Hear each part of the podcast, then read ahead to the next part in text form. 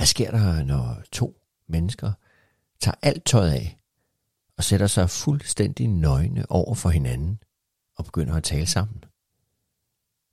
Hvad sker der med, med samtalens indhold? Og hvad sker der med, med nærheden og forholdet mellem de to? Det kunne jeg rigtig godt tænke mig at finde ud af.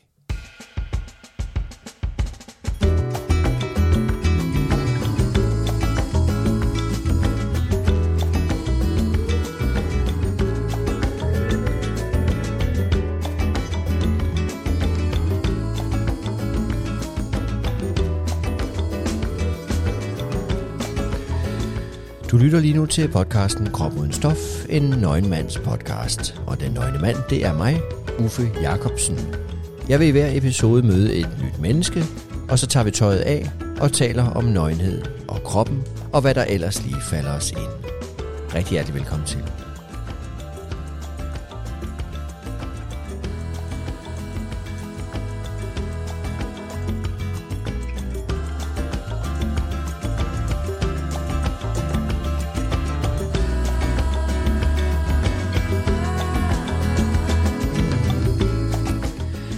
Jamen som sagt, velkommen til podcasten Krop uden stof.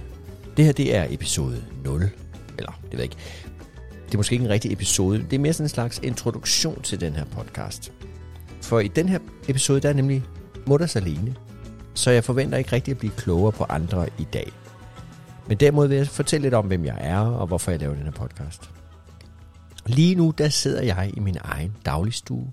Jeg har tændt min pejs. Jeg har puttet mine børn – og så har jeg lavet mig en gin og tonic. Jeg er stadigvæk fuldt påklædt, men det vil jeg lave om på lige om lidt. Men først så vil jeg lige præsentere mig selv. Og det vil jeg gøre med en øh, lille fakta-lydboks. Den kommer her. Uffe Lindberg Weber Jacobsen er født i 1981 i Odense, hvor han bor med sin kone og to børn. Som 26-årig opdagede han naturismen og har siden været begejstret for at være nøgen. Han driver bloggen kropudenstof.dk og har som selvlært fotokunstner lavet udstillinger med nøgenhed som omdrejningspunkt.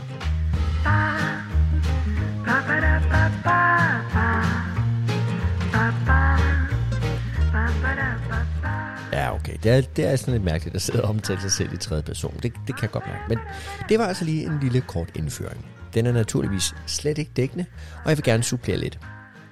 For mange så er naturisme eller nudisme, som er strengt taget det samme, forbundet med noget meget privat og indimellem næsten pinligt eller skamfuldt. Og det synes jeg er ærgerligt. Sådan har det aldrig været for mig. Så jeg der havde været på et sommerlejr i 2006 og oplevet nøgenheden på min egen krop, bogstaveligt talt, så kom jeg tilbage til virkeligheden og begyndte at prædike nøgenhed. Jeg må virkelig have været træs at høre på. Og jeg har siden erkendt, at nøgenhed i en social kontekst bare ikke er noget for alle. Og det er der mange grunde til, men jeg har altså altid været meget åben om det sågar så åben, at jeg medvirkede i DR's, øh, DRK's reportageserie De Forfængelige med modeekspert Chris Pedersen som vært, hvor jeg fik besøg af ham og et filmhold til en snak om nøgenhed. Jeg har medvirket i podcast, radio, avisartikler, ugeblad og meget andet, og nu altså, så har jeg så også min egen podcast nu. Godt. Nu skal vi til det. Eller jeg skal til det. Slå lige musikken der. Så for nu, nu skal jeg nemlig smide tøjet. Og det virker måske en smule banalt at gøre det for åben mikrofon. Øhm, og I må stole på, at det sker. Men altså, jeg er helt overbevist om, og det siger min erfaring mig, at der sker noget med os og vores forhold til omgivelserne, når vi smider tøjet. Øh, det er lige nu ret uforklarligt for mig, hvad det er, det drejer sig om. Men jeg kunne faktisk godt tænke mig at, at undersøge det nærmere. Så det er en af de her mange grunde til, at jeg gerne vil tale med, med andre mennesker, forskellige mennesker, og og lade dem opleve det sammen med mig, så kan vi snakke om, hvad, hvad de også oplever i den forbindelse. Tøj, det har altid været fint nok for mig, og i perioder, der har jeg faktisk også dyrket at være meget velklædt. Mange naturister eller nudister siger, at tøj det er kun funktionelt, og man bør kun have tøj på for at beskytte kroppen mod kulde og sol og alle mulige andre ting udefra. Ikke? Men det er efter min mening en alt for fattig og ensidig måde at betragte tøjet på. Tøj har jo også sociale funktioner, og dem kan vi altså ikke løbe fra. Men vi kan måske smide tøjet og glemme de der sociale funktioner indimellem. Og på den måde få et, et tiltrængt pusterum, hvor vi ikke skal tænke på, hvordan andre betragter os. for eksempel ud fra et materielt eller socialt perspektiv, men bare ser os som mennesker. Og det er altså noget af det, nøgenheden kan for mig. Nå, jeg skal altså lige, jeg skifter lige mikrofon, og så tager jeg lige min høretelefon af, og så smider jeg tøjet. Så.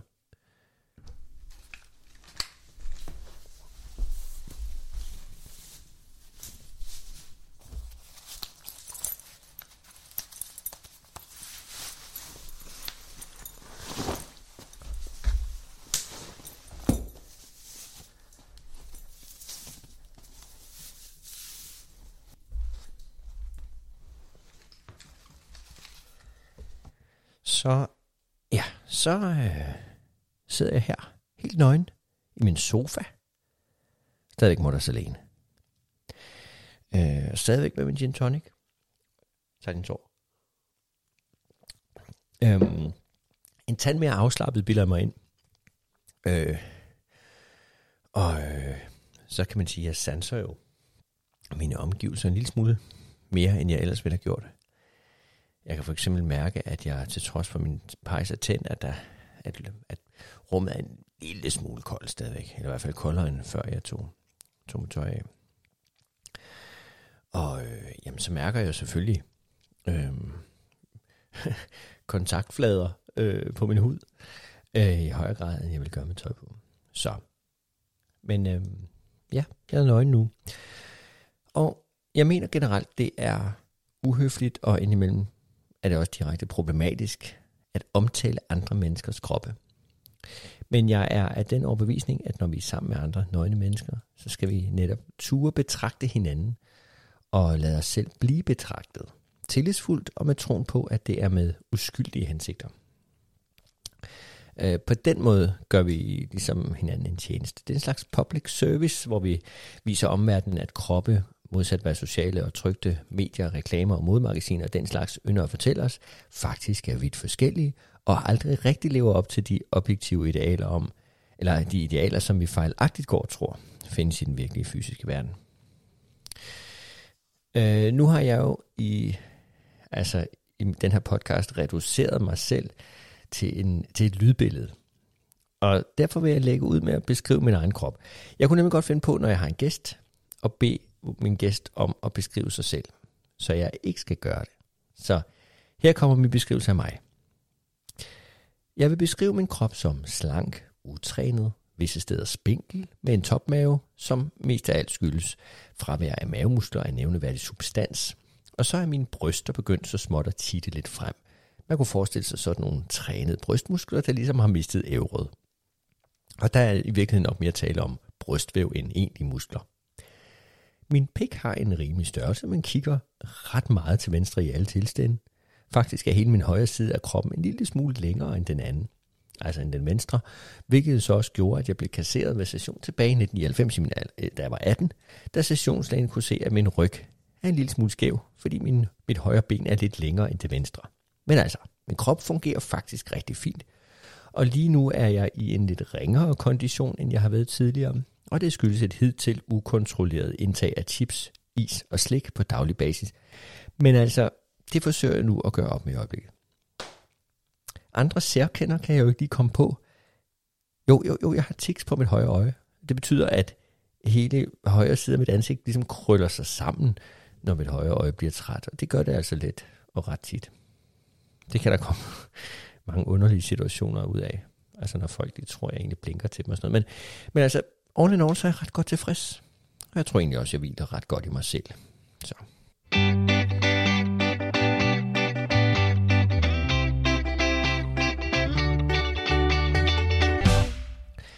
Nu vil jeg rigtig gerne tale lidt om, hvad der optager mig i forbindelse med kroppen. Der er nemlig en række ting, som jeg enten kunne tænke mig at undersøge nærmere, eller som jeg ved har en betydning for den måde, jeg oplever verden på. Forfængelighed er noget af det, som jeg synes er rigtig interessant. Særligt nu, hvor jeg oplever en form for polarisering, i hvert fald på de sociale medier. Her er mange meget forfængelige, men mange forsøger måske også at signalere, at de er det modsatte. Eller lægge afstand til dem, der spiller på at være meget forfængelige.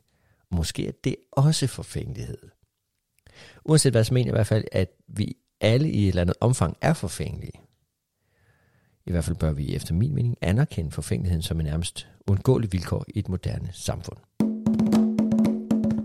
En anden ting, som jeg er optaget af, er det der med at være en mand i øjeblikket. Traditionelt set så har man betragtet kvinder som værende forfængelige, blufærdige og meget mere følsomme i forhold til egen krop end mænd. Og det er der heldigvis ved at være plads til kan ændre sig. Men jeg oplever stadigvæk nogle ret forældede og meget ensidige måder at definere kønnene, og især manden på, også i forhold til kroppen. Køn er i det hele taget meget interessant. Jeg har bekendte, som er transkønnet og eller non-binære, og deres bekendtskab gør, at jeg har fået stor respekt for, at vi som samfund bør gentænke den måde, vi indretter os på, så vi i højere grad kan rumme og tage hensyn til de mange forskellige måder at identificere sig på. Jeg kan af gode grunde ikke sætte mig ind i, hvordan det føles for eksempel at være født i en krop, hvor man ikke kan som man ikke kan identificere sig med, eller hvordan det, er, hvordan det er at leve i en verden, som er indrettet ud fra præmissen om, at man enten er mand eller kvinde. Men jeg vil rigtig gerne komme lidt tættere på at forstå det. Jeg tror aldrig, jeg rigtig helt kan sætte mig ind i det. Men jeg vil rigtig gerne forstå og blive klogere. En sidste ting, jeg også er optaget af, det er sproget og de kommunikative handlinger, som påvirker os, og som er med til enten at frigøre os fra nogle lidt for fasttømrede og forældede normer, eller det modsatte, nemlig at, fast, øh, nemlig at fastholde, måske lige for at forstærke den kultur, som vi er en del af, og som er en stor del af os, på godt og ondt. Sproget og kommunikation mellem mennesker har jo lige siden børn formet os, og ikke mindst vores selvopfattelse.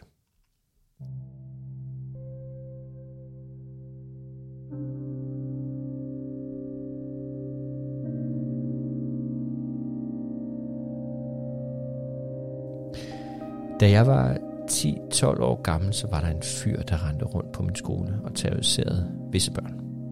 Formentlig kun dem, der var yngre end ham selv. Han gik en klasse over mig, og jeg var hans foretrukne offer.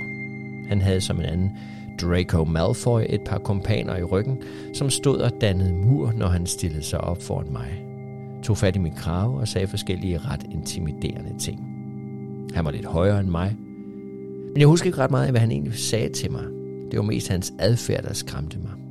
Men jeg husker, at han fik distrædet ordet stræber på mig, og han brugte det aldeles nedsættende.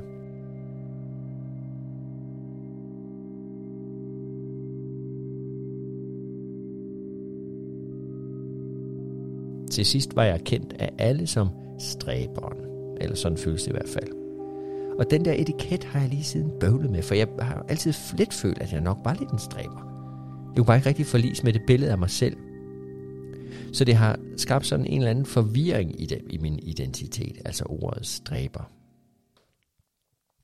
Vi skaber vores egen identitet med sproglige og kommunikative handlinger, men lige så, men lige så meget så bliver vores identitet og selvforståelse også formet af den måde, vi bliver kommunikeret til, og de ord, vi møder. Både om køn, om raser, kropsformer, om andre mennesker. Alle de her ord skaber den her forståelse, vi har af omverdenen og os selv. Og jeg vil sgu gerne blive klogere. Jeg vil gerne lære nogle flere ord, få et større ordforråd, og måske blive mere kritisk over for de ord, jeg selv bruger om andre og mig selv.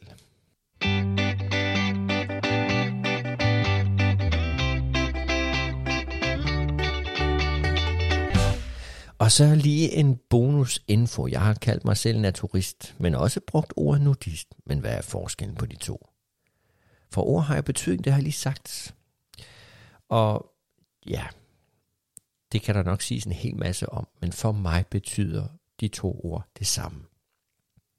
Det er bare sådan, spørger man forskellige naturister, får man også forskellige svar på, hvad forskellen på naturist og nudist er.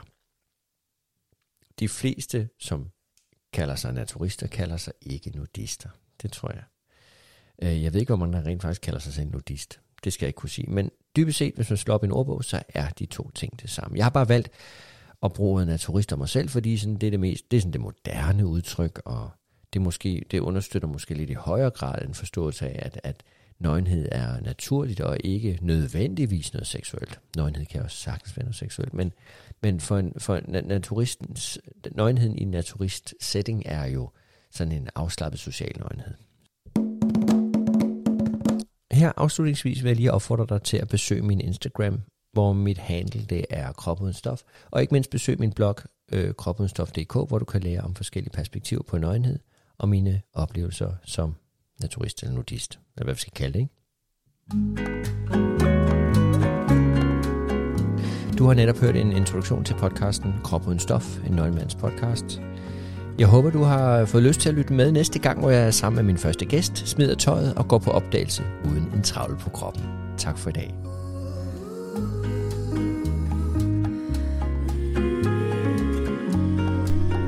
Nej, fik jeg sagt, jeg var 26? Jeg var sgu da kun 25 dengang. Første gang. Nå. Ja, det er sgu også så mange år siden. Herregud da.